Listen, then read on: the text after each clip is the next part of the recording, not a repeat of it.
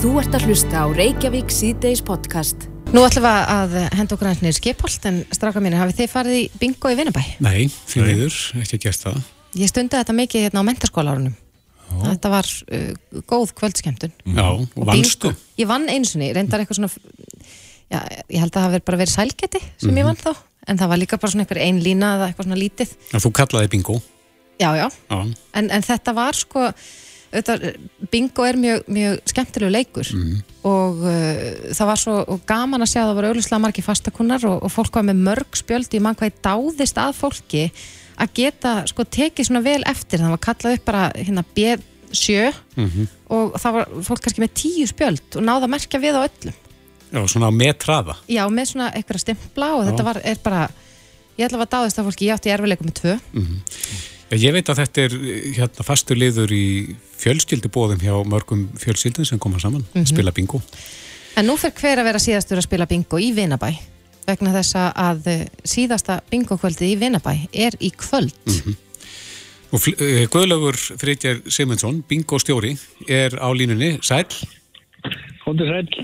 já, hvað kemur til að, að þið ætlið að kalla þetta gott? Já, það er einlega sjálfgjört. Reksturinn á þessu bingo hefur ekki gengið sem skildi núna undanfærin ár. Nei, út af COVID þá eða? Já, í og með.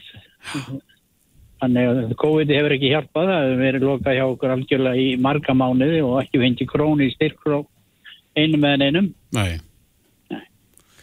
Þannig að það er ástæðan, það, það er bara þessu sjálf hætt, segir Já, reksturinn hefur ekki gengið.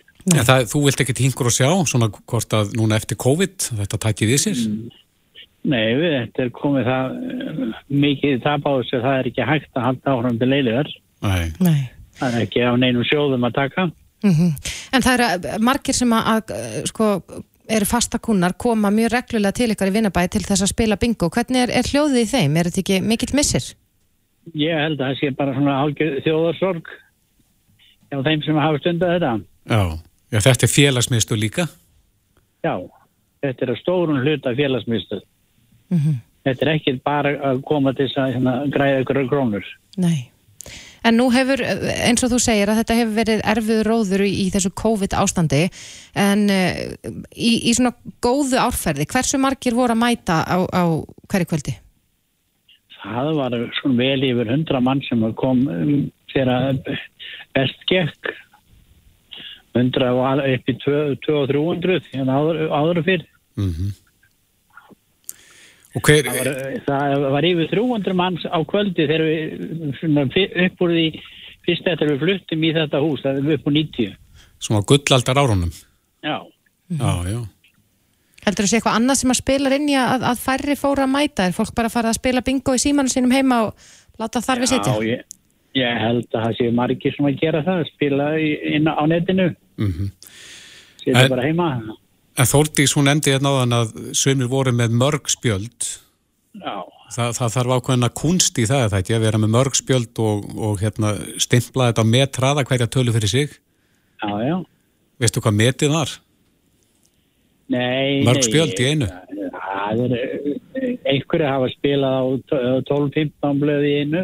Já. Já, já. Já. Með, það er fólk sem eru með aðteklinu í lagi.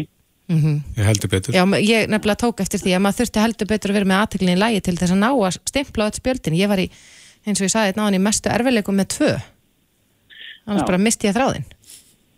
Sko, það er ekki ástæðuleysu sem er sagt að, eh, að spila bingo sé betra fyrir heilan heldur en að spila bridge eða skák. Akkurat. Já, þetta er, það er til rannsókn sem sýnir þetta. Er það? Já, Það er magnað. vegna þess að þú hefur mjög takmarkaðan tíma, þú voru að hlusta, hlusta eftir tölunni, þú voru að finna töluna á blaðinu, eina af 75 tölum og síðan þarf það merkja við töluna. Og ef þú að spila fleiri en eitt blað, þá verður að hafa, hafa huga með það sem þú ert að gera. Mm En þú segir að það eru margir sem að verða vantalegi sárum þegar að, þegar að þið hættið. Já, hefur, fólk heyrt hefur fólk verið að setja sér í sambandið ykkur? Já, já, það er margir búin að ringja og spyrja hvort það ætlum ekki öruglega að finna annað húsnæði. Já. Og stendur það ekki til? Ég, það er, líkur ekkert ljóst fyrir. Það er, ef við finnum uh, gott og hendum húsnæði þá er að- það alveg til í dæminu að halda áfram en Hvað ertu búin að vera með bingo í lengi? ég byrjaði í november 82 Hvar voru þið þá? E, byrjaði minn í Glæsibæ. Það var lítil kaffistofa sem hétt Uxin og annari hæði í, í gamla Glæsibæ. Mm og síðan fórum við niður í, í kjallarann þar sem að danshús í Glæsibæ var. Já, og síðan komum við í Tónabæ eins og veist. Við mitt. já, Og svo, var það í Vinabæ. já, svo fórum við í Vinabæ. Keftum hann 1990 Já, gamla tónabíó. já, gamla Tónabæ En, en það var bingo núna fyrir helgi ekki satt á fimmtudaginn. Mættu margir þá? já, já, já Og hvernig býstu við að kvöldið í kvöld verði? Ég vona að það er ekki týra. Hvað komast margir fyrir hjá ykkur? 400. Já. Já, það er síðasti séns, það má búast við því að það verði jafnvel slegist um spjöldin. Já, já, það. já, nú til þeim, en það vantar bara plássið þá ef, ef húsið fyllist. Já, Ég tók eftir því hér e, þegar sagt var frá að, að þið væri að fara að loka að sko húsið opnar klukkan 17.30 ekki satt Já, en, en fyrsti leikur hefst klukkan 19.15 er gott að mæta snemma til þess að tryggja sér gott sæti já, já, sem við mæta upp, upp á hálf sex. og eru margir sem að bara reynilega eiga, eiga sitt sæti í salnum Já, já, já, já. já. hvað myndur þú halda að séu margir sem eru svona fastakunnar? Þeir eru á byggla 60-70 sem koma hvert einasta bingo. já, já. Þannig að það verður bingo í sal í, í kvöld, það. sinnum, jafnvel. Já, og glæsilegir vinningar eins og alltaf að það ekki já, já. Hvað er, hvað er fyrsti vinningurinn uh, hár? Sko, hæ- hæsti vinningurinn er nú, nú orðið sko 60.000 en uh, var 100.000 hérna áður meðan að uh, fleiri sóttu bingo en svo eftir að fór að fækka mikið þá verðum við að minka bara vegna seldum við ekki fyrir vinninguna. Nei, það gengur nú ekki Nei, ekki len- lengi Nei, akkurat. Já, við óskum ykkur bara góðs gengis í kvöld og það verður leitt að sjá okkur fara og, og ætlum við bara hvetjum ykkur ekki til þess að opna annar staðar ef að gott húsnæði finnst. Já, við sjáum til hvað séður Já, Guðlaugur eh, Friðger Sigmundsson, bingostjóri í Vinabæ. Takk kærlega fyrir þetta. Sömulegis Þú ert að hlusta á Reykjavík C-Days podcast. Reykjavík síðdeis klukkan 25 minúti gengin í 5 en uh, hér að stómið Norðurlands eistra úrskurðaði máli að Alstens Kjartanssona blaðamast á stundinni uh, en hann kærði þá ákvörðin lauruglunar á Norðurlandi eistra að gera hann uh, að sagborningi í máli sem að snýr að eiturinn og stuldi á síma Pál Stengrimssona sípstjóra hjá Samerja en niðurstaða dómarans er að Páli Bergþórsdóttur lauruglustjóra hafi verið það óheimilt Já, þetta mál hefur þetta verið á allra vörum að undanförnu. Fjármálur á þar hefur tjásið um það, allskynns fólk hafa komið fram í, í fjölmjölum og annar staðar að svona ræða þessa stöðu sem að eh, upp var komin. mm En Aðarsteit Kjartansson, blaðamæra stundinni, er komin til okkar í dag. Kom til sæl. Já, sælverði. Hvað þýðir þetta svona í þínum huga? Í mínum huga er þetta náttúrulega bara staðfesting á því sem að við heldum strax fram að þetta staðist einhver skoðun. E, við vissum náttúrulega ekki e, um leið og vorum bóðuð hvert brotið, þið menta brot á að hafa verið og, og það þurfti þetta mál til að leða það fram. Og þegar greinakir lauruglunar var, var komin í hérastóm og, og ég fekk hana í kjölfæri til mín að, að þá var maður náttúrulega bara enn meira hissa og enn meira undrandi á þessari vegferð lauruglunar sem að fer á stað og, og er sko, sko því sé haldið til haga ekki að, að, að rannsaka í mínu tilviki eitrun og stulda okkur síma heldur hvort að mögulega hafi eitthvað verið í þeim gögnum sem að miðla var til mín sem að ekki átt erindi til almennings og þá hvort að ég hafi miðlað þeim gögnum áfram. Um, þetta er glæpur sem að enginn kæri til örlunar þetta er glæpur sem að engar vísbendingar eru um að hafi yfir höfu verið framinn og þetta er glæpur sem að engin gögn eða vittnisspurður tengir mig við eða tengir mig við á nokkur einasta hátt og það er bara dálítið sjokkjarandi að lesa það þetta í greinakjör frá lauruglunni að því að almennt og þá gerir maður náttúrulega ráð fyrir því að þegar laurugla fyrir á stað með eitthvað þá sé eitthvað sem búið þar að baki. En það afhjúpaðist algjörlega í, í þessu máli núna fyrir hérastofumi að svo er ekki í mínu tilviki. En hvað telur þá að, að, að, að sé að baki þessu öllu saman? Erstu með þetta hlýtur náttúrulega að snúast um þar fréttir sem að ég skrifaði upp úr gögnum sem að lauruglan telur að sé, e, séu ítla fengnar. E, saksóknarinn í málunu fulltrú lauruglunar sagði það nú e, í aðalmeðferð þar sem máls núna e, fyrir hérastómi Norðurlands eistra að, að lauruglan ætlaði ekki að láta eitthvað blamenn komast upp með það að skoða síma eitthvað manns. E, það er bara ekki það sem er undir í þessu máli. Það er ekki það sem að lauruglan segist fyrir að rannsaka það er ekki það sem að lauruglan segir að ég sé grunar um að hafa gert. E, nú er saksfólknir búin að tjá sig með mjög ákjærandi og aðtæklusverðum hætti inn á vísi þar sem hann telur að blaðmenn þurfa þóla gaggrin og störf sín. E, fyrir utan þau ótrúlegu umæli sem að saksfólknarinn og handhafi laurugluvals e, lætur eftir sér og lætur falla þessu samtali að þá er hann náttúrulega bara að tala um þetta snúistu um mín störf. Hva, Hvað sagði hann sem að Já, hann talaði um það að hérna, blaðamenn, viðkvæmir blaðamenn eins og blómi í, í hérna, blómaskreitingu þurftu nú bara að þóla gaggrinn á sín störf og ég verð bara að taka hans orð fyrir því að þetta snúist þá um mín störf mm -hmm. en þá hættir þetta líka snúast um hvort að ég hefi mögulega deilt eða séð eða fengi til mín eitthvað efni sem átti ekki erindi til almennings. En ég held að, að það séu eflust margir sem átta sig ekki alveg á því hvað, sko, um hvað máli snýrist. Þetta var, þið voru raun og veru, að þú ásakaður um sko brot gegn, gegn kynferðisleiri friðhelgi skipstjónans. Já. Og með því þá að hafa mögulega skoðað eh, myndir af honum í hans síma. Og drefti. Já, það er svona það sem að, mér skilst að þessari greinleikir lauruglunar mm -hmm. eh, en það er ekkit lendamálu og það er ekki brota á, á hérna, ákvaðum sem að, um störf blagamara gilda þegar kemur að verða heimildamanna, ég get alveg upplýst það eins og ég hef gert, ég hef aldrei séð þessar myndu myndir. Ég hef aldrei handleikið þennan síma þannig ég veit ekkert hvað kann að hafa verið í honum. Þannig að ég mm -hmm. ég bara, ég sannleika sagt, skil ekki alveg þennan mála tilbúinur að lauruglu þannig ég á rosalega erfitt með að, að segja af eða á með eitthvað hugmyndir lauruglunar um, um mín brot. Akkurat, en það eru auðvist líka margir sem veltaði fyrir sig sko hvernig störf bladamann yfir höfuð eru. Ef að þú hefðir fengið uh, myndir af kynferðislegum toga uh, sendar til þín, hvernig myndir þú bregðast við? Ég myndi bara eða þeim. Ég hef ekkert við það að gera. Ég hef ekkert við gogn að gera sem að ekki hafa erindi til almennings og það gerist oft á tíðum að bladamenn fá til sín einhver gögn sem að einhverjum þykja eiga erindi eða einhver sendir bladamennum í einhverjum tilgangi sem að uh, ég kannski skil ekki eða áttar mikið á þegar ég fæ í hendunar uh, og það er svo skilda sem lögð er á bladamenn að þeir meti hvað á erindi og hvað á ekki erindi.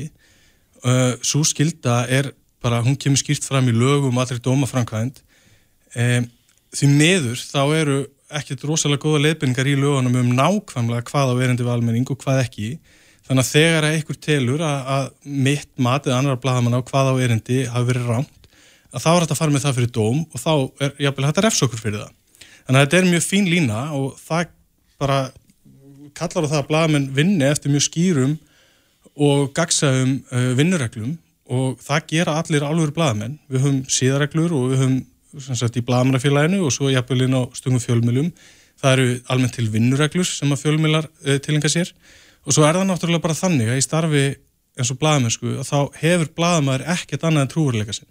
Mm -hmm. Þannig að um leið og, og ég ger eitthvað af mér að þá tapa ég trúurleikanum og þá tapa ég vinnunni. Þannig að allur kvatin minn er til þess að stíga mjög valega til jarðar og segja ekkert nema ég sé vissum að það eigi erindi valming. Þegar að um er að ræða eitthvað skonar nektarmyndir eða klámfengið efni þá held ég að heilt yfir sé það alveg augljóst öllum að slíkt á ekkert erindi við almenning. Og þá er það bara höndlað með þeim hætti. Mm. Nú hefur þú stundað rannsónglablaðamennsku í nokkuð tíma. Er það aldingt að þið fáið slíkt efni? Um, það hefur alveg komið fyrir að, að mér hafi borist eitthvað efni sem að eh, er af, af einhvern svona kynferðislegum toga. Ég hef ekkert skilið almennilega tilgangin með því mm -hmm. og bara alltaf ítrekka þá er ég ekki að tala um í, í þessu tilviki, nú er ég bara að tala um almenn mm -hmm. og þá hef ég bara umsögalust eh, eitt því efni, farga því efni mm -hmm.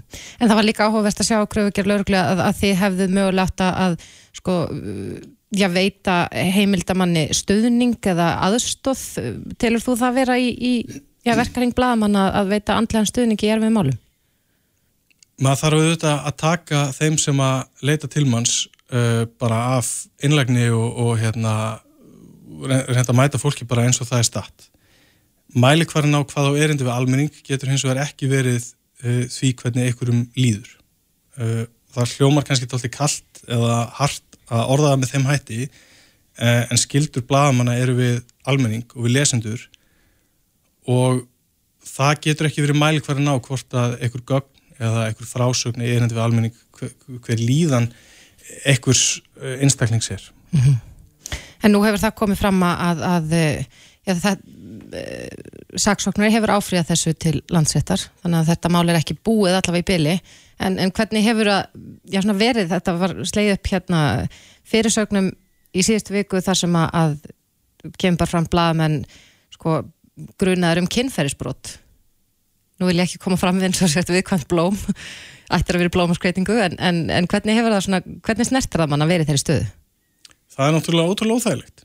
Það bara er ekkert mál að viðkjöna það. Þetta, að það færuð þetta ámann eh, að lögreglan og handhafi sko, þessa framkvæmdavalds fari fram með þessum hætti. Og það er bara í algjörðu einlagni ótrúlega óþægileg stað að vera í að útskýra fyrir börnunum sínum og, og maka og fóreldrum og sískinum að, að, að lögreglan sé að elda þig fyrir það að hafa mögulega hugsanlega kannski brotið gegn eh, sko ég nú bara þekki ekki nákvæmlega hutt ekki stafrætt eh, hérna Þetta snúst um kynferðslega friðhelgi Já, kynferðslega friðhelgi. Sko ég bara, já, þetta er bara ótrúlegt, ótrúlegt að það vera settur í þessu stöðu og enn ótrúlega þegar afhjúpast að lögreglan hefur ekkert. Þetta, þetta er bara eitthvað sem að lögreglan slengi fram engin raukstuðu grunur og þegar lögreglu bent á það að hún hafi enga raukstuðan grun og þá segist hún bara ekki þurfa að hafa raukstuðan grun hún megi bara gera það sem hún vil eh, viðbröð saksóknara nú við þessum úrskurði hérastóms eh, er líka þess eðlis að, ég væri nú að ljúa ef ég segði að, að, að ég finnst ekki að fara ekki smá hrollur um mig að sjá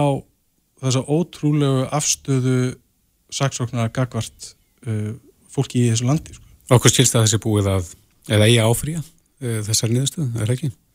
Jú, lauraglann alltaf sér að gera það mm -hmm. Ertu vissum niðurstöðu þar? Haldur að landsettu komist að sömu niðurstöðu og hérastómar? Ég sé ekki hvernig eigi að vera hægt að komast að annari niðurstöðu. Það er engin glæpur sem að liku fyrir að hafa verið framinn. Það er engin tenging við mig. Það eina sem að ég hef gert er að fjalla um mál sem átti sannarlega erindi til almennings. Mm -hmm. En áðan sagður að, að sko það eina sem að blaðmaður hefur er sko trúveruleikin og, og telur, eða ertur hættur um að þetta sé eitthvað högg fyrir þinn trúveruleika öll þessu umfyllun sem hefur átt sér staðum þetta mál og, og ég er raun og verið bara kröfugerðin í helsinni Ég held að allir þeir sem að lesa greinagerðina eða, eða bara lesa fréttir á þessu máli átti að sjá því hvað þetta er ótrúlega ótrúlega skrítin vegferð löglunar uh, ég óttaðast að þetta fyrst af því að bara ég eins og allir gerum ráð fyrir því að þegar lögreglan fer á stað í einhverjar aðgerðir eh, að þá sé eitthvað sem búið þarna baki. Þá sé einhver gögn, einhver vittnesspurður einhver vittneska, einhver þekking. Og það eru þetta áfall fyrir mig vitandi það að það get ekki verið til einn gögn eða vittnesspurður um að ég hafi framið þessi brot. Að því ég gerði það ekki þá eru þetta áfall fyrir mig að sjá lögreglan fara á stað að því ég veit hvernig fólk hugsa um aðgerða lögreglu og það sem að lögreglan gerir mm.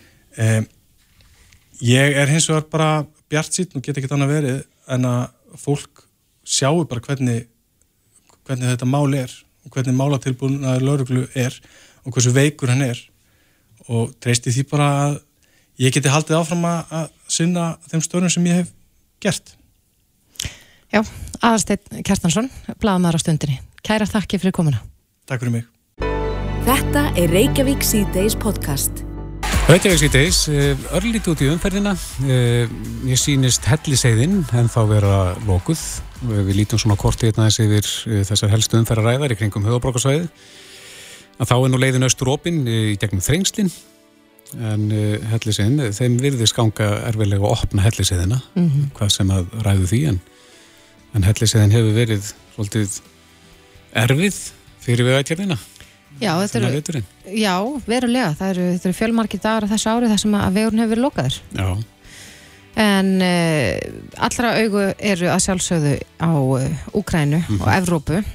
En uh, það er mikill viðbúnað hér á landi vegna já, yfirvofandi netárasa rúsa og, og þessi já, það hefur, viðbúnaðurinn hefur aukist að undarförnu og við heyrðum nú hér í bítinu í morgun að uh, alþjóðlegur hópur hakkara hefur ráðist á rúsa með góðum árangri.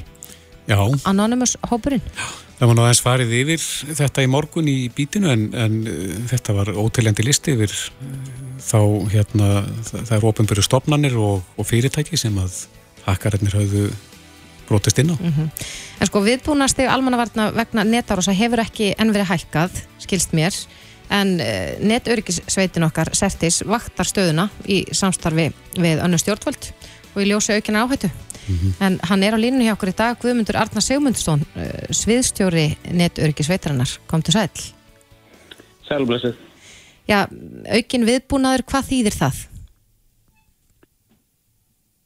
Aukin viðbúnaður þýðir bara að menn eru með, hvað segir svona, herra viðbrasti. Uh, við höfum svona okkar á milli kalla þetta kannski svona, við erum með þetta svona á vöktunastíi sem væri kannski svona óskilgreynd stíg á milli uh, venjulegs ástands og, og þessa skilgreinda óvissustíks sem er fyrsta stíð í, í viðbragsáallun almannavarna, er kemur að netó. Hvað, hvaða, hvernig sjáu þið að það sé verið að, að gera árás eitthvað staðar hér innanlands? Hvaða mæla hafið þið til þess að nema það? Við höfum uh, í rauninni okkar vísa bara frá uh, uh, rekstarðaðilum og þjónustæðilum innan íslensku netumdæmisins, auka sem við fáum líka vísa frá erlendum kollegum okkar í, í sambarlegum teimum, uh, sérstaklega í vestur-Európu. Þegar að netárasir eru gerðar á innvið á Íslandi, saman hvort það séu mikilvægir innviðir eða bara einhver félag og fyrirtæki, þá þá hefstur henni bara, þá er henni bara brúðist við með að fylgja einhverjum viðbrarsfellum sem geta verið mis, misjöfnir eftir, í- það fer bara eftir í hver, hver á hlut og hérna e, þegar við fáum upplýsingar um árásinnar e, til okkar þá reynum við svona að bera þér saman við, við upplýsingar sem við fáum annarstaðar frá, við erum þannig að setjum í þessari miðju og, og okkar hlutur er svolítið kannski að hérna e, samhæfa viðbröð ef að árásin virðist vera að koma vera vítakar en kannski á einhver eitt félag og við reynum að greina uppruna, uppruna hérna árásana og það er upplýsing að koma frá þeim sem að eh, verða fyrir árásanum. Uh, Samkvæmt fréttum þá hefur rúsneski herin yfir að ráða stórri deild sem að sérhæfir sér alfærið í netárásum og öðru þeim tengdu og, og sagt er frá því að búast með við því að rúsa ráðist á netinnviði NATO-ríkja. Hvernig myndu við sjá það eins og þú segir að getur verið annars vegar sko inn á, á okkur ákveðin félög eða fyrirtæki hér en, en, en gætur hennilega ráðist á já, okkar mikilvægastu innviði og hvað myndi þá gerast? Já, þetta er fréttaflutningur af, af hérna, þessum sveitum rúsa sem eða sem að tala til hér í rúsneska hernum. Eh, Það er náttúrulega ákveðin leind sem eh, ríkir yfir eh, þessari dild þeirra og kannski ekki alveg, líkur ekki á borðinu hvernig hún starfar og hversu öflug hún er. Eh, Það er alveg tali líklegt og allir allir kollegar okkar sem við höfum verið í sambandi við ellendis eh, eru sammála um það að það er talið líklegt að með hertum aðgerðum vesturvelda á njá NATO-ríkja efnarstingunum og, og fyrir aðgerðum sem við erum svo sem verið að sjá raungerast núna undarfarið að þá megum við búast við eh, herri líkindum á því að það verið brugðist við með því að ráðast á eh, einviði eh, stafræna einviði eh, og ríkja. Er merkið um það að það hafi verið gert eitthvað tíman á, í þessu ástandi? Nei, og sem er ástæð þess að við höfum svo sem ekki virkja þetta, þetta fyrsta stig, þetta óvissu stig almannavarna enn enn sem komir. Eh, Við erum bara að fylgjast með, við sjáum vísa því að, að það sé aukning í, í, í hérna, eh, það vera svona skannakerfi, það vera svona leita að ingangi og, og við sjáum þetta og við fáum upplýsingur af þetta frá, frá mörgum aðlum, eh, bæði innanlands og ellendis. En e, það er engin tilkynnt eh, tilfelli um innbrot sérstaklega og í rauninni er staðan svo núna að við bara hvetjum allar ekstra ræðala til þess að, að hafa augun á sín kerfi, fylgjast vel með fréttum og fylgjast vel með sínum kerfum. Og hérna við óskum eftir eh, að fá að vita af öllum uh, aðtökum og hafa stærð að það berist til okkar svo að við getum í rauninni sýnt þessu hlutverki okkar sem samhæfingar miðjan í, í, í greiningunni og hérna reynd að koma sem fyrst að því hvað er á bakvið. Já. Ég vil kannski benda á það að, að það var nú bara hérna um helgina þá, þá var Jens Stoltenberg eh, sem talaði fyrir NATO búið mjög harðorða, hann kom með mjög sterka yfirlýsingum um það þar sem hann, hann hérna tók, tók sterklega lorað og sagði að að stafræn árás, árás í, í þessum, þessum netheimum, þessum síndarheimum e, á innviði e, NATO-ríkja e, gæti orðið grundvöldu þess að virkja þessa, þessa 50 grein vartnarsáttmálans sem að er í rauninni e, að, að svona gerðir árásum eruðu, hérna e, hvað að segja, e, bara tekna sem stríðsíflýsing. Já, árás og eitt ríkir árás og öll. Ríkir á alla. Mm -hmm. En uh, tablið... Þessu mikilvægt þeir, þeir telja þetta vera, að þetta er, þarna er komin stafrænleið til þess að valda ómælanlegum skada mm -hmm. í innviðum allra landa. En tablið hefur svolítið verið að snúast við og, og nú hafa hakkarar heimsins, Anonymous, uh, hakkara samfélagi, það hefur snúist gegn rúsónum. Já, það hefur verið að spilast tannig núna uh, hérna undir hundar daga og þeir hafa náða alveg bara ótrúlega árangri á mörgum vikstöðum. Uh, Anonymous Group er ekki byggt svona hakkara grúpa eins og maður sér hana fyrir sig sem er með einhverja yfirstjórn og einhverja stefnu og þetta er bara uh, hópur uh, aðila sem hafa þessa þekkingu til þess að geta framkvæmt ára sér og þeir eru, geta verið hvaðan sem eru heiminum og, og hérna það eru ymsa leiðir svona sem gera mér um kleifta tilhera þessari grúpu og hún er búin að vera til núna bara í, í sko hátt í 20 ár og margir aðeinar hafa náðst sem að hafa verið taldið til er á með sem enn verið dæmtir fyrir að til er að hafa framkant hérna netárasir í nafni þessari grúpu. Mm -hmm. En núna er grúpan á þess að þessi hægt að, að innbúinda hver er á bakvið þessar árasir hérna og það e, bara virkilegur slagkraftur á bakviðina núna og aðra grúpur sem að, að fylgjina málum við að ráðast á rúsumska einviði og þeir hafa bara náð gífunum árangri í að hérna, taka niður versiður og, og frettavittur og brotist inn í á varnambalaráneti hjá þeim og leggja í gognum þaðan og þeir hafa komist yfir talstöðarsamskipti og þeir bara eru á flugi, þeir og þá eru að tala um einhverja svona hvað segja, svona já, óskilgrinda fjölda eh, tæknumanna. Er þeir að valda rúsum skada? Já, þeir valda sjálfsög skafa eða ég hef ekki heyrt, heyrt tilfellist að þeir hafi náða að taka niður einhverja mikilvæg einviði eða valdi skafa þannig en þeir hafa sannlega verið að náða að trubla e, þessa stýringu rúsneska yfirvalda eins og verist þeirra að reyna að hafa stjórn á umræðinni og svo framvís mm -hmm. og þeir hafa samanleiti líka verið að passa það að hérna, þeir hafa ekki sérstaklega verið að ráðast á eins og netveitur uh, þar sem það er, er svona þessi bóðleið sem rúsneskur almenningur hefur uh, til þess að nákast frettir annar staðarinn í gegnum sína einri meila. Já. Fylgist þið í netverkisveitinni ja, með Anonymous eins og, eins og öðrum? Já, já, við fylgjumst með, við fylgjumst með hérna svona, hvað að segja, þeim hluta starfsemi svona hópa sem að þeir byrta á ofnbjörnu neti, þeir eru mikið að keira, þú veist, þeir keira á, á svona rásum líka sem eru, sumar eru svona á þessu public internetu og sumar eru keiraður á það sem er kallað svona djúpneti mm -hmm. eh, þú veist, þeir eru með spjallrásir á reddit og þessum tjánrásum og fleira sem margir tækna með þekka en þetta er engin, það er engin svona, það er engin eining á bakvita það er engin stjórnandi, engin ræður í Anonymous.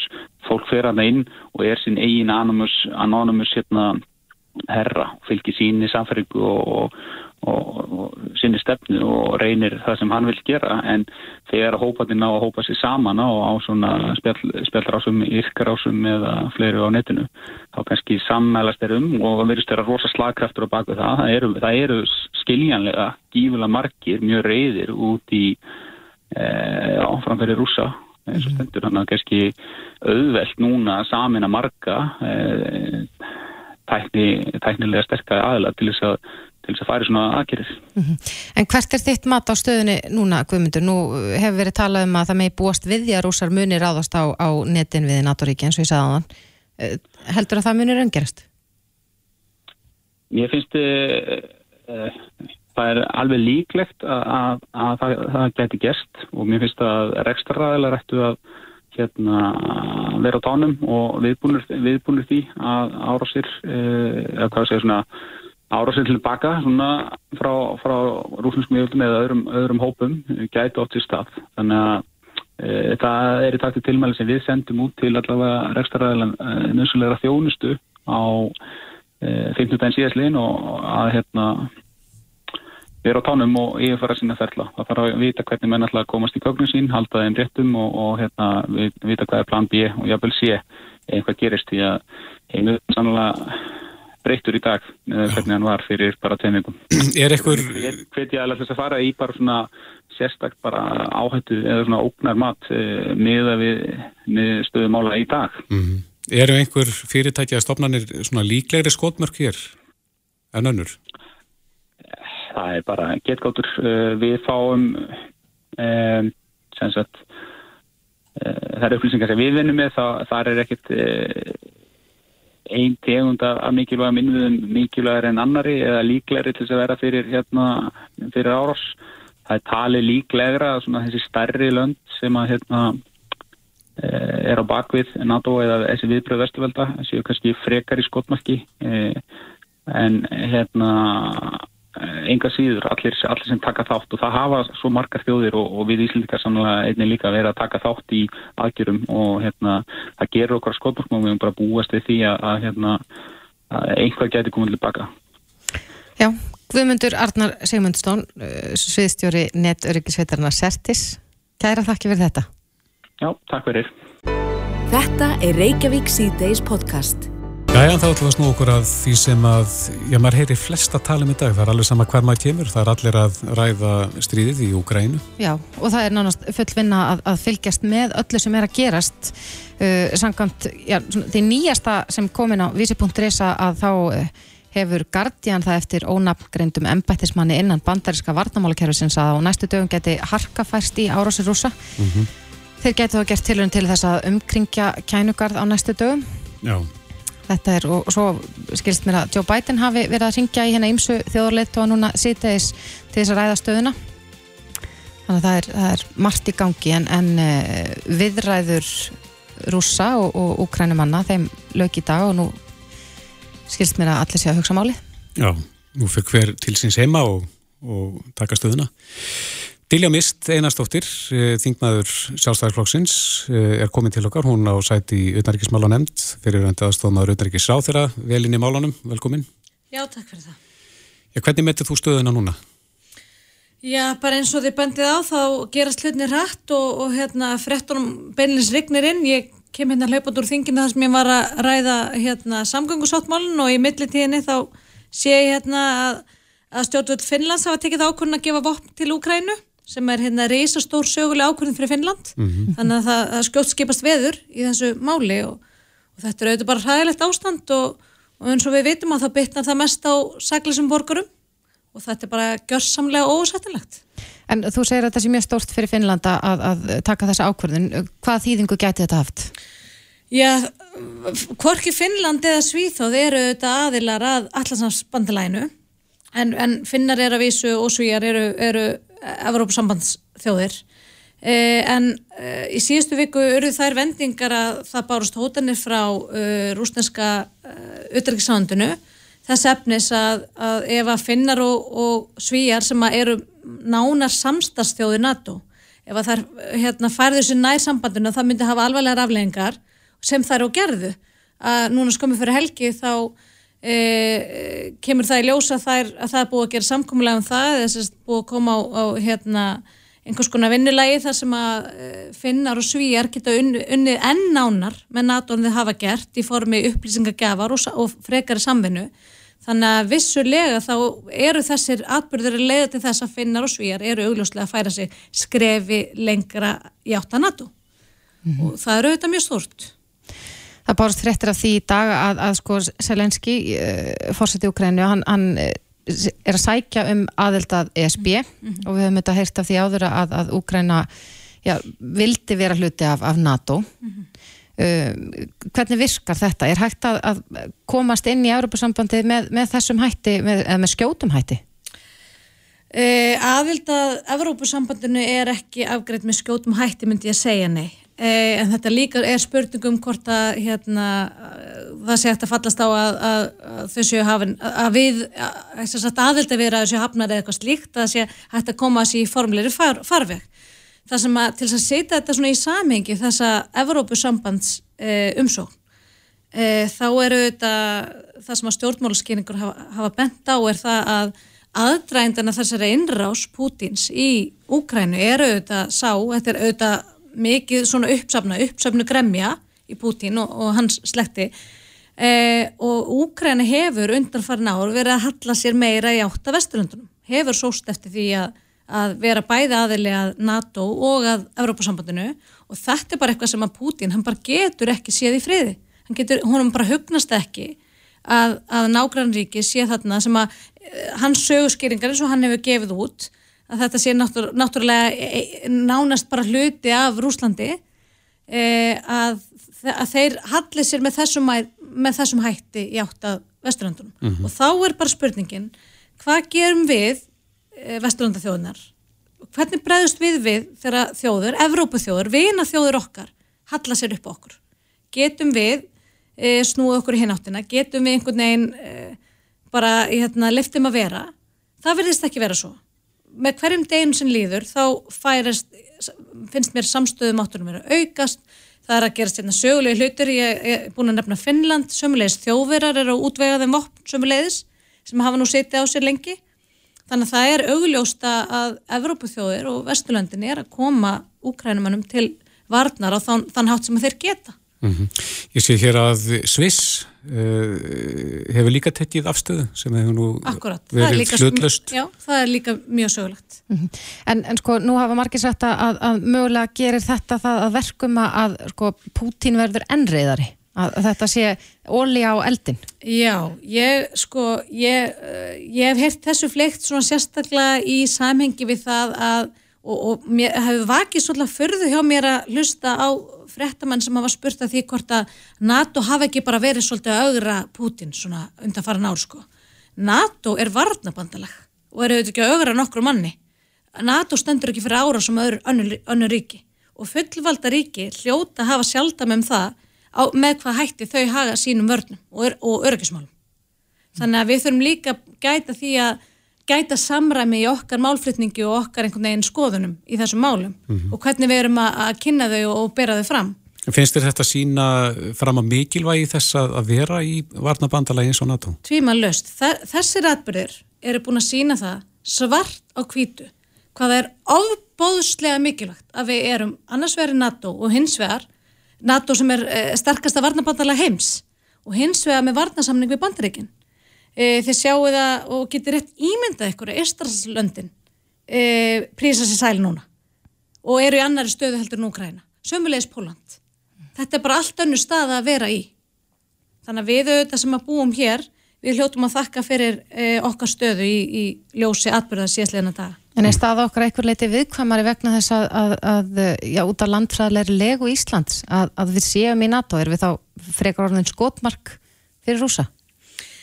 En sko af því að út af þessari landfræðilegu þannig það, það eru auðvitað sögurskynningun því af hverju við höfum þennan hérna varnasamlingu í bandaríkin af hverju við erum með hérna varnasvæði og svo frammeins, það eru auðvitað skýrist af, af þeim matbörðum og sínum tíma þá gáttu við auðvitað bara þakka fyrir það að það voru breyta sem böngu hérna upp á fremur en þjóðverar e, hins vegar þá held ég bara að, að með við það sem við höfum séð koma frá Pútín uh, undarfarnar daga og þessi ávörf sem hann hefur gefið og þessi skilabóð sem hann hefur verið að senda við verðum bara að taka orðhans mjög alveglega við þurfum að hafa miklar áökjur af þessum sögurskýringum sem hann er að hafa uppi.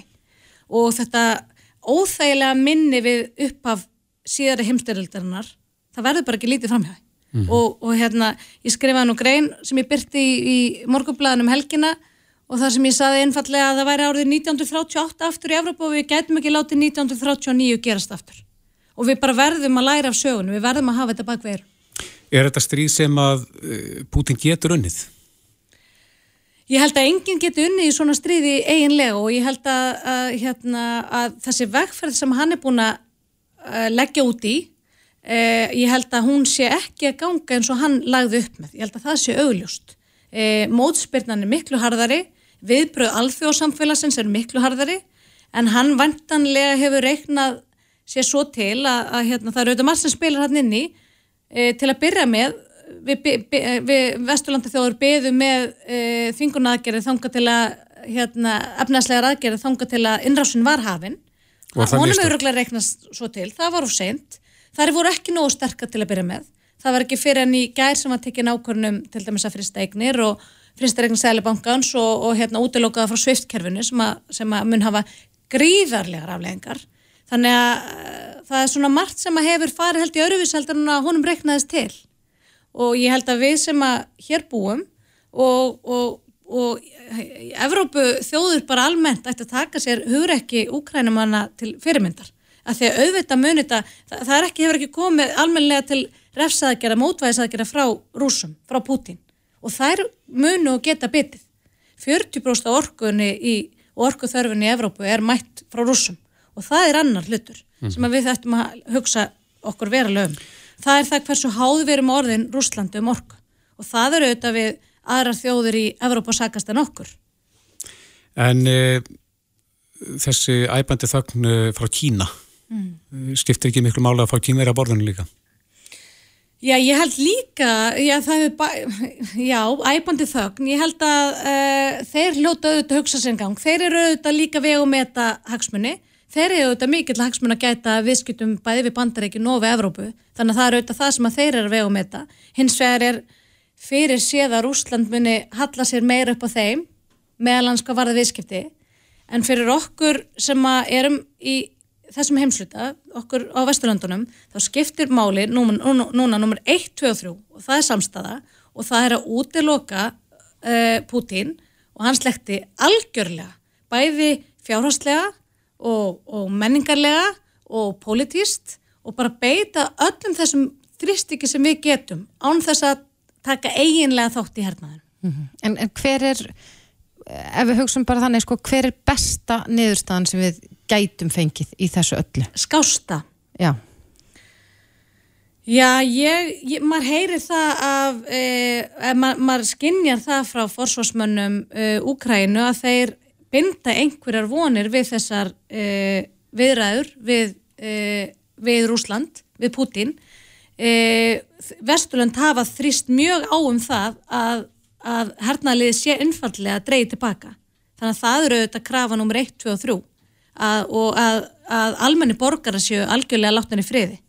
Og þessi skilabóð sem hafa komið frá Putin ítrekka það, þar hafa auðvitað verið bæði rángar og misvísandi og ekki staðist. Mm -hmm. þannig að það er auðvitað nummer 1 og 3 að, hérna, að herin fara að bakka og, og hætti þessum árásum á almenna borgara í Ukrænu Já, látum þetta vera að loka orðin Dilja Mér Steinastóttir, þinguna sjálfstæðisflokksins og uh, meðleimur í utanríkismála nefndingsins, kæra það ekki verið komina Reykjavík síðdeis á Bilginni podcast. Já, eh, að allt öðru, það hefur minna verið talað um Me Too og, og þá byltingu sem að hefur átt sér stað undanförnum, mm -hmm. eh, kannski ljósa stöðunar í Evrópu, það er eh, ekki hægt að fjalla ítarlega um allt, Æ. en okkur barst til erðna að, að ráðningarferðli hefðu tekið einhverjum breytingum núna eftir, eftir þessar MeToo-byltingar og þar sem að já, mörgum hefur verið reynilega sagt upp störfum eða stí, fólk hefur stíðið til hliðar mm -hmm. eftir ásaganir um kynferðslegt ofbeldi og fleiri þeindur. Að reynilega ráðningaferli séu orðin já, öðru vísi að þær spurningar sem spurtir eru á annan veg til þess mögulega að reyna maður veit ekki koma hlutunum í einhvern ákveðin farveg tryggja sig fyrirfram. Og þá sérstaklega þegar að Karlmenn uh, sætjum vinnu voru kallari vital En til að ræða þetta er hún komin til okkar, Herdís Pála Pálsdóttir, stjórnunar ágjafi. Vertu velkomin. Takk, takk. Er þetta rétt hjá okkur eh, og rétt það sem við heyrim að fyrirtæki eru farin að svona breyta spurningum? Sko það er erfitt að alhæfa en hérna, já, ég held að mörg fyrirtæki séu farin að taka þetta svolítið svona inn í ráningaferlið og ef við förum kannski eins eitt skrif tilbaka þá hafa verið svona ráningaferli eða ráningaviðtöl hafa svona alla jafna gengið út á það að fyrirtækir að vega og met eitthvað fólk hvort að passi störf og þá er ofta svona verið að met út frá einhverju fæleri hefni. Mm -hmm. Í dag er ekkert nóg að bara leggja mata hvort að viðkomandi geti ráði við verkefni í einhver tilteknu starfi. Þessi faglega hæfni er ekki nóg, þetta er orðið spurning líka um að persónlega hæfni, þú veist, er viðkomandi líklegur til þess að hvort sem það er kallið að kona, til þess að fara eftir bara þeim viðmið sem að vinnustæðin viti við hafa stefnum og margir vinnustæði með stefnum, eineltismál og hvernig maður bregðast við til dæmis með kynfyrirslega áreitni.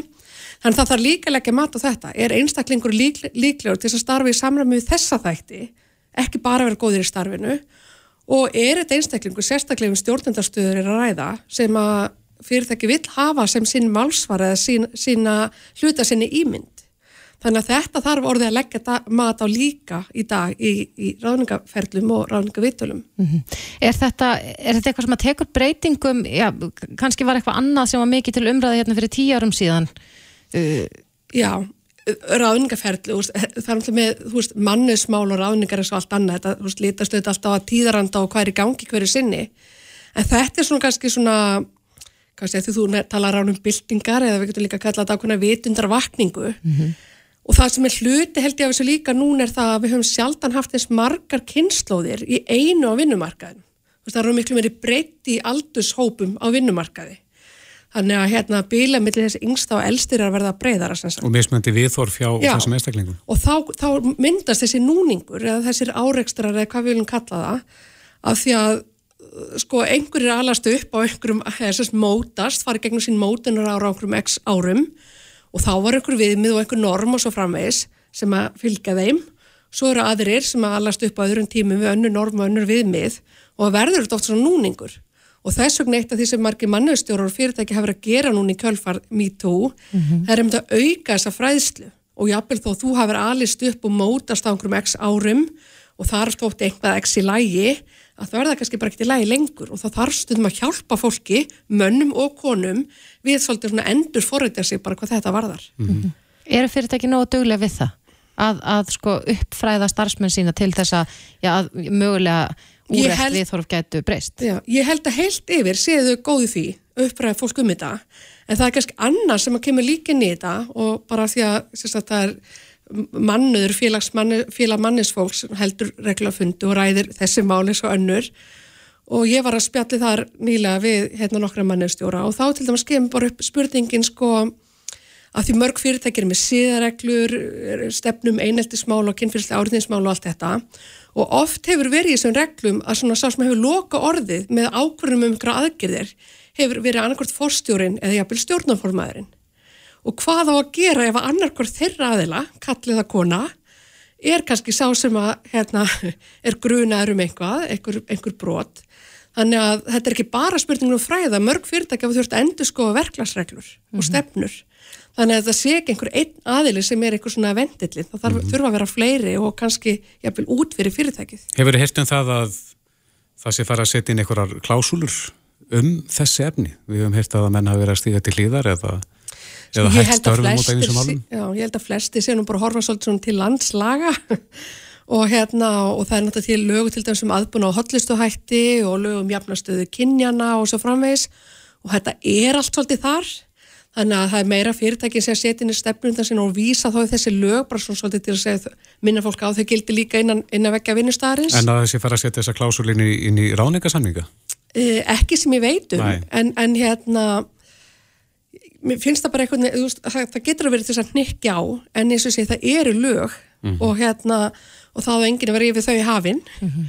Og þannig að kannski þarf ekki endil alltaf að vera að setja ný og ný, nýjar og nýjar stefnur, við þurfum bara að fylgja því sem að til er. Já. En þú talaður um aðan að það geti komið upp snúin staða ef það er einhver einn einstaklingur inn að fyrirtæki sem er uh, já, svona vendill, eins og mm -hmm. þú mhm. sagðir um, er það algengara núna að, sko, að fólk reynilega úthýsir svona verkefnum ef það kemur upp mál innan vekja fyrirtækis og, og Já, kannski ekki allir óháðir mm -hmm. fólk þekkist og þetta er lítið land. Það er að verða algengara já og kannski líka vegna þess að fólk átt að segja að það er svo mikið í húfi.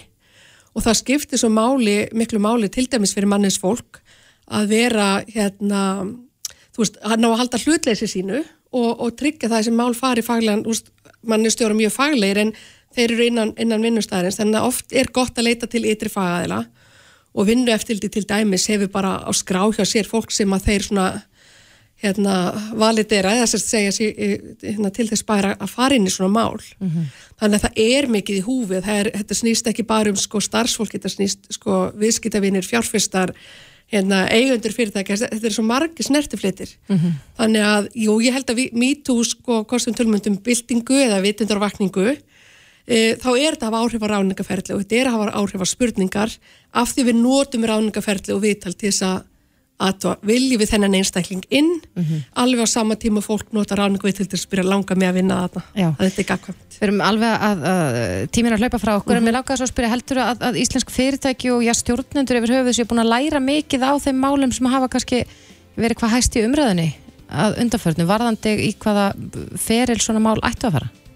Já, ég held það. Ég held að nú er bara vonaðu að hérna, fenn ekki fljóti yfir það aftur. En ég held, ég held að margir sem eru læra ótrúlega mikið. En við þurfum bara muna hérna, eða þú veist, passa að gleyma þig ekki. Þegar næsta mál kemur upp. Já, Hertís Pála Pálsdóttir, stjórnunar aðgjafi Takk kærlega fyrir þetta. Takk, takk. Hlustaðu hvena sem er á Reykjavík C-Days podcast. Jæja, snúum okkur aðeins að Úkrænu stríðinu aftur. En uh, ég rakst hérna við hérna frétt uh, þegar við hirt sögun af þessum 13 landamæravörðum sem að voru á Snákaeyju Mhm. uh, Það er frétti bárust að þeir hafi verið myrtir af uh, rúsneska hernum Mhm. en nú hefur komið í ljós að þeir eru sprellingandi Já, og úkrænski sjóherrin hefur staðfesta Já. að uh, þeir séu á lífi en eru í haldi rúsneska hersins Já, voru ekki þessir herrmenn sem að sakvæmt allan að fréttum á vísi sögðu einhverjum skipstjóra á herskip að, fara til fjandans að hoppa upp í raskatti á sér eins og stendur á vísi Var það svoleiðis? Já, Jú, jú, það voru, það voru ykkur hérna byrt ykkur talstöðarsamskipti á milli þeirra og rúsana.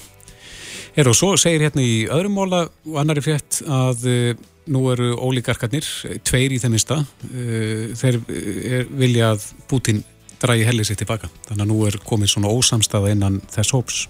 Já, það hljóta að vera ánægilega fréttir Ja, þetta eru tveir miljardamæningar, Mikael Frídmann og Oleg Deripaska. Mhm. Annar þeirra er fættur í vestur Úkræðinu. Já, og skrifaði bref þess efnis að hann vil að þetta stríð endi. já, þetta er til marks um það að, að já, þessar refsi aðgerðir sem að Vesturlöndin hafa verið að beita eru kannski að virka. En ein af þessum refsi aðgerðum er nú svo að fjölmörg lönd hafa ákveða að loka e, íslenskri lofthelgi fyrir, en nei, loka lofthelgi sinni fyrir rúsneskum flugvilum Mhm. Ísland þar á meðal, það sem ég ætla að segja. En við höfum fengið líka fyrirspurni frá fólki sem að fylgist með uh, ferðum þessara þóttna, uh, farþegar þóttna frá Rúslandi og uh, vannum sínist að þeir vera að fara hérna yfir og í gegnum uh, flugum sjónarsvæði Íslands og spyrja því hvort það sé ekki vera að framfylgja þessu banni. Sveitn á Guðmarsson, upplýsingafulltrúi utanríkis ráðundisins er á línni, kom til sæl. Já, komið sæl. Já, er verið að framfylgja þessu flugbanni hér? Í, já, já, kannski rétt að hafa það strax í huga bara í ljósi ingangsins sem við höfðum að, að, það er dæmt ólíkt annars verður flugstjórnarsvæð íslenska sem er risastórt nær uh, yfir uh, lögsögu og lofthelgi annar ríki eins og þær er að græna svona rættalega upp á norðupólnum og, og tölvöld sögur í höf og, og yfir stóran hluta norður allarsars og hins vegar lofthelginar hún er miklu minni, hún er uh, svipa á landtekin er 12 sjómilur út frá svo kallum grunnlupunktum sem eru skilgæri tilkynntir og, og, og skráðar hjá saminuð þjóðunum og þetta uh, flugbann eða það er sett lofthelginni sem var lokað fyrir uh, umferð rúsneskara loftfara en ekki uh, umferð um flugstjórnarsvæði. Heldur að, að margir eh, séu að miskilja þetta, halda að, að okkar lofthelgi sé, nái þarna allavegina upp á Norðupól? Ég, ég var alltaf sjálfur sér bara á samfélagsmiðlum og, og, og víðar að, þessi greinamunum er ekki alveg ljós en þetta, er kannski ekki hugtokk sem okkur eru töm í daglegu tali og þess vegna er engin förða að standi, standi þetta í einhvern. En lofthelgi nær, eh, segir þau bara 12 mílur út. Hún er 12 milur út og til viðbótan þá við flatamál landsins þá er það um 75.000 ferkilometra svæði Já. sem er, það er, við byrstum nú kort á, á, á stjórnarafsvefnum í gæði sem sýnir þetta ágætlega Mm -hmm. og þetta er rauninni nær eh, já, 12 milur, það er um það eh, svona 20 kilometrar um það bil frá, frá nálsteinunum og síðan er, dregin ringur út um Kolbensei líka þannig að eh, við það stekkar uh, lofthelgin öllítið Já. en hún er náttúrulega bara brot af flugstjórnarsvæðinu íslenska. Þannig að þetta hefur en ekki teljandi áhrif á þessa rúsnesku þótur þá? Nei, Það geta flóið eftir sem áður yfir uh, allarsafið og, og, og en þurfa í einhverju tilvíkum að leggja leysina fram hjá Íslandi og auðvitað uh, hefur uh, sam, hafa samverðanar ákvarðinu til dæmis hjá dönsku stjórnuldu sem, sem lokaða lofthelginni fyrir, fyrir Grænlandi og, og færu sömulegis áhrif. Þannig að, að, að rúsneska flugvelar á leiðsynni e, austur eða vestur í Allansafi þurfa vantilega að, að sveia framhjá þessum uh, ræðum. Hvað gerist ef það gera það ekki? Hvað, hvaða ferli fyrir þá í gang? Sko, uh, þetta virkar þannig að öll þriðju ríki, þetta ríki utan ES, þau þurfa að óska eftir, sérstaklega eftir heimil til yfirflugs yfir, yfir íslenska uh, lofthelgi. Fyrir, fyrir hverja vel fyrir sig eða bara almennt? Já, já fyrir hérna euróskar velar, þannig að það er tilkynni, tilkynni sig bara til að upplýsa um, um sínar ferðir og Ísafja, flugstofnumistöðin Ísafja gefur, gefur þau svar á grundvelli svo kallast nota með notice to air, to air mission sem er bara nokkur svona orðsending til flugfélag mm. og eins líka gefin út í gæri það sem að, að kemur fram að, að, að uh, all, allar öll loftför sem er í eigu uh, rúsneskra aðila eða flugrækjum sem starfa grundvelli leifir sem við gefum út á rúsneskra aðila þeim eru óheimilt að fljúa um íslenska loftfylgi og nú þegar hafa hefur nokkurum flugum eða sett nokkurum flugum verið sagt að breyta um sína flugáallun mm -hmm. á grundvelli umsóknar um, um yfirflug og í öllum tilvíku þá hefur þessu verið, hefur verið farið eftir þessu þannig að mm. það er ekkert að reynda á það að einhver, einhver hlýð ekki En er eitthvað að spá í spilin hvað ef að þeir myndu ekki já, hlýða þessu? Í skamstíma er þau nú uh, engar meiri áttar afleðingar af því að uh, það er ekki uh, fluginu flígu bara í gegn en, en flugstofnarnustan hún myndi gera skýslu og tilkynna áfram til samkvæmgustofu sem, sem síðan ákveður ákveður næstu skref. En eins og ég segi, er, það er ekki reynt á þetta og, og, og þær flugvelar sem hafa verið bennur um að breyta sínum flugállunum í ljósi uh, þessar ákvörunar um að loka loftilginni fyrir uh, rúsnæsku lofturum þar hafa gert það í öllu tilum þannig að þetta er, þetta er, uh, þetta er ekki, þetta er ekki na, mjög aktuelt, getur við sagt. Nei. Sveit Guðmarsson upplýskafulltrúi utanríkis ráðunitisins kæra þakki fyrir þetta. Takk sem leðis Reykjavík síðdeis á Bilginni podcast þeir raðast inn dagarni núna, bolludagur í dag. Og sprengidagur morgun. Já, svo kemur ösku dagur en, en þetta gengur svolítið út af að kýla þessi út, annarkvæmt að bollum eða, eða salkjöti. Já, ég er nú reynda bara búin að borða eina boll í dag, mm -hmm. en, en það finnst mér ekkert mjög góðar, þannig Nei. ég veit ekki alveg af hverju þetta borða fleiri. Já, ég tók nú smá fórsmekk á sælunni í gær. Já.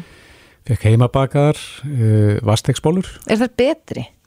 Ég finnst það æðislegar. Er, er það þá, er þá svona, svona volgar þegar þú borðar þær? Nei, ekkert frekar en þær eru náttúrulega nýjar Já. og svo náttúrulega með sultu, bláberja sultu mm -hmm.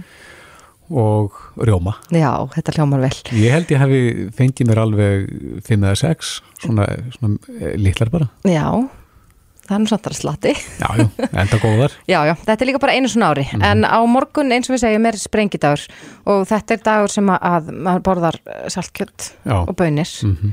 Og, ekki túkallin, það má ekki, ekki túkallin, nei, nei, við gerum það hendur ekki en sko eins og fyrir mitt leiti að ég finn það daginn eftir sprengidag mm -hmm. hvaða áhrif þetta hefur á líkaminn, mér finnst eins og þetta er svolítið erfitt að koma ringunum af fingrunum á mér Já Og, og kannski vaknaði með svolítið svona pínu bólkinu augu. Svona bjú, eitthvað staður. Já, mm -hmm. og það segir mér nú kannski að þetta er, ég veit að það er eflust allt gott í hófi, en, en þetta allavega gerir mér ekki mjög gott Nei.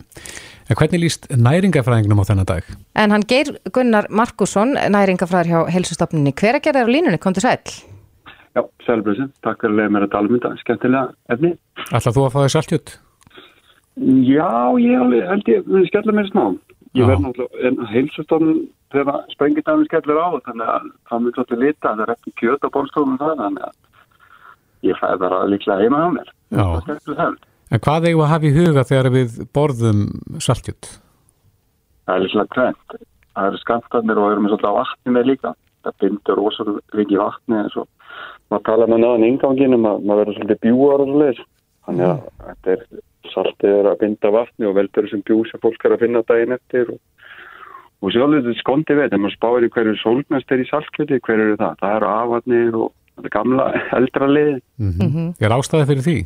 Ég- gamlar hefðir held ég bara þetta er gamli siður og við erum halda í þetta og og- en ég held að þau eiga síst, með að síst við í út af öllum hjarta og töflunum og svoleiðis og út af háþursins töflunum því þannig að maður þarf alveg að segja við þau sem borða hvað mest að vera dögulegust að passa það veginn Já, það var akkurat næsta spurning sem ég ætla að spyrja eru, sko, eru ákveðni hópar sem þurfa sérstaklega að vara sig eru það þá uh, eldra fólk eða þeir sem að ég glíma við einhver svona uh, hjarta vandræði eitthvað hjarta og, og svona æðavandamál sem, vanda, sem háþurstingu getur verið að keira á slítið á stað sko. þannig að Nei, það er alveg staðrind, bara eins og jólati á aðfungutegi, það er bara aukavakt kalla út á landsbytjalum hjartadeildin út að menn er að koma það inn eftir ofót á svörtu og reyktu. Já. Ég veit ekki hvort það er með sprengidagan en ég heyri þetta með, með jóla aðfungutegi. Mm. En er galdurinn, ef maður fæ sér saltjött, að drekka nóga vatni eh, til að skóla Já. saltin út? Já, þá ertu svolítið að finna þetta út og hjálpa svolítið til við að fá ekki inn að mikla bjúta inn eftir.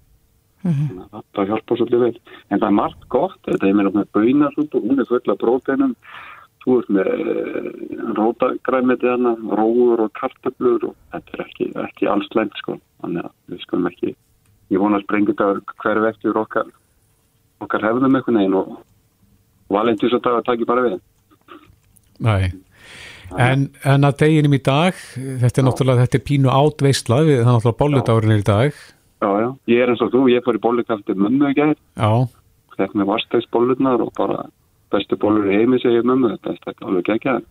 Varst þú jafn duglegur og Kristoffer að festir 5 eða 6? Já, ég bara tók vel að ég sko, þannig að þótt ég sé næringafræðingur. Já. Og það er þetta einu sem árið og mér lefur sér þetta alveg. Mm. Þetta er ekki stærstu bollur í heimi. Nei, nei, akkurat. En uh, já, ég fór svona aðeins að hugsa út í bolludaginn í dag vegna þess að, að hér í vinnunni var þetta bóðið upp á bollur, þetta er Mm. gjafmildu vinnustæður og alls konar bollur í bóði. Er við að, að gera þær sko ennþá óhollari með öllu þessu, þessu auka dúlleri sem er farið að bætast við bollunar í dag? Lakrís og einhver, einhver svona. Það var sko með annan háþyrstinsvald eins og saltkjöti þannig út í lakrisum í dag og saltkjötun á mótnum þá er bara hjarta á fullu sko. Þannig að ég myndi fara að valja í lakrisum í dag og allir í saltkjötu á mótnum.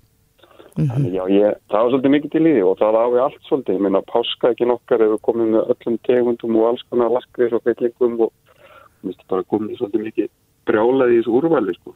Þannig að við getum alveg aðeins slaka og bara eftir bara í litla gamla tíman og bara helpum döðskipina. Já. Mm. En e, þú segir þetta er bara einu svona ári og sprengidagur er það líka, en þurfa menn ekki að fara að vallega samt? Er, er ómikið að fá sér saltjött í hátiðin og svo í kvöldmatt líka? Já, finnst það svolítið svona, það er smá, smá sprengja sko. Já. En- Sleppa annari skamt, já, ég held að þetta er að sleppa annari hvori, sko. Það er, það Mér- Fáðu þess að bauina þú búin, hún er holl og góð og aðeins minna af kjötinu kannski á an, annars skipti og færi þetta að tvisa þannig að ég, ég er alveg endilega þetta kjöt með þess að baunasúpu og, og grænmeti. Ég verð að segja ykkur einu sögu, má ég segja ykkur sögu? Endilega. Þetta sagði sem sé alltaf dætum mínum og ég ástofði að fara að sofa þegar þess að þetta tengist. Þegar ég var eitthvað 6-7 ára, ég- eins og ég elska vastiðsbolluna mömmu, þá komið skipti frækk okkar heimsók með svona akarisbollur, rísa stórar og flottar. Og ég held bara lakka til að smakka þetta og vildi aðeins gleiði okkar sem bolludegi og, og Ella frænka kom með þetta og bauði okkur öllum og ég fekk mig bita þessu og svakalega fannst mér þetta vond með vastiðsbolluna en mömmu og bara, oh, þetta er ekki góða bollur þú svarir bara fram, ég þarf eitthvað fram og mamma segi ekki setja bólunni. Ég fór með þessa bólu fram og ég vissi ekki hvað það ætti að hendi henni að losa, losa með henni. Ég tróði hún eitthvað skófræni andirinn sem dætti ekkert og lengst niður. Svo er Ella að fara heim, takk fyrir mig og eh, segi við og takk hella sé ég ekki bara ella þegar hún í stífil því ég tók bollu nonni og mamma hefur aldrei öskrað held í gergun og Markus og mjög plátt sko. Þannig að ég, ég það enda að heyri þessu sögur frá mömmu og bolludegi sko hvernig En það er mjög áhugavert að vita af hverju, af hverju skóri andurinn hafi verið berti félustæður fyrir bollu. akkur ekki út um gluggan eða Eða ruslið. er svo dæmisöð að segja bara að maður tekit ekki gott og segja bara þetta er ekki við mig. Að prófa bollum hann í skó hjá gömlu frangum En þá hefur ekki svo skemmtilegu sögu. En, en sko þetta eiginlega vekur upp eina spurningu hjá mér, Gergunar, vegna þess að nú hefur mér verið mikil umræða um að, að við til dæmis töluðum hérna með bakarmestaran fyrir helgi og þeir eru hættir með sko gerbólur á, uh, á bóludaginn. Já, eru ok. gerbólurnar, þú veist, er, er það óhallar? Er vastegið lettar í magan og betra fyrir líkamann heldur en, heldur en gerbólurnar?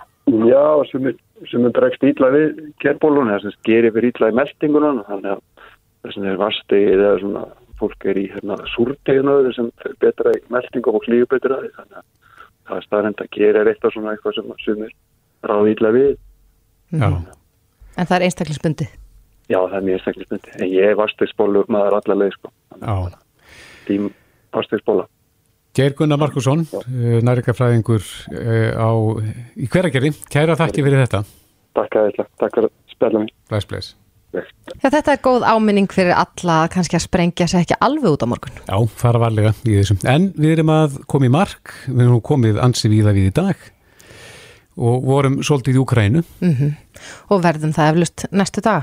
Já, Alþjóð Kjartansson, blaðumar á stundinu, kom til okkar og rættaði eins um uh, þennan dóm sem að fjall í hérastómi Norðurlands eistra. Mm Og um, svo sögðum við líka frá bingói, það er síðasta reynsli í kvöld. Já, nú er húsið búið að opna og leikar hefjast eftir, já, cirka þrjú kortir. Já, síðasta bingói í Vinabæ.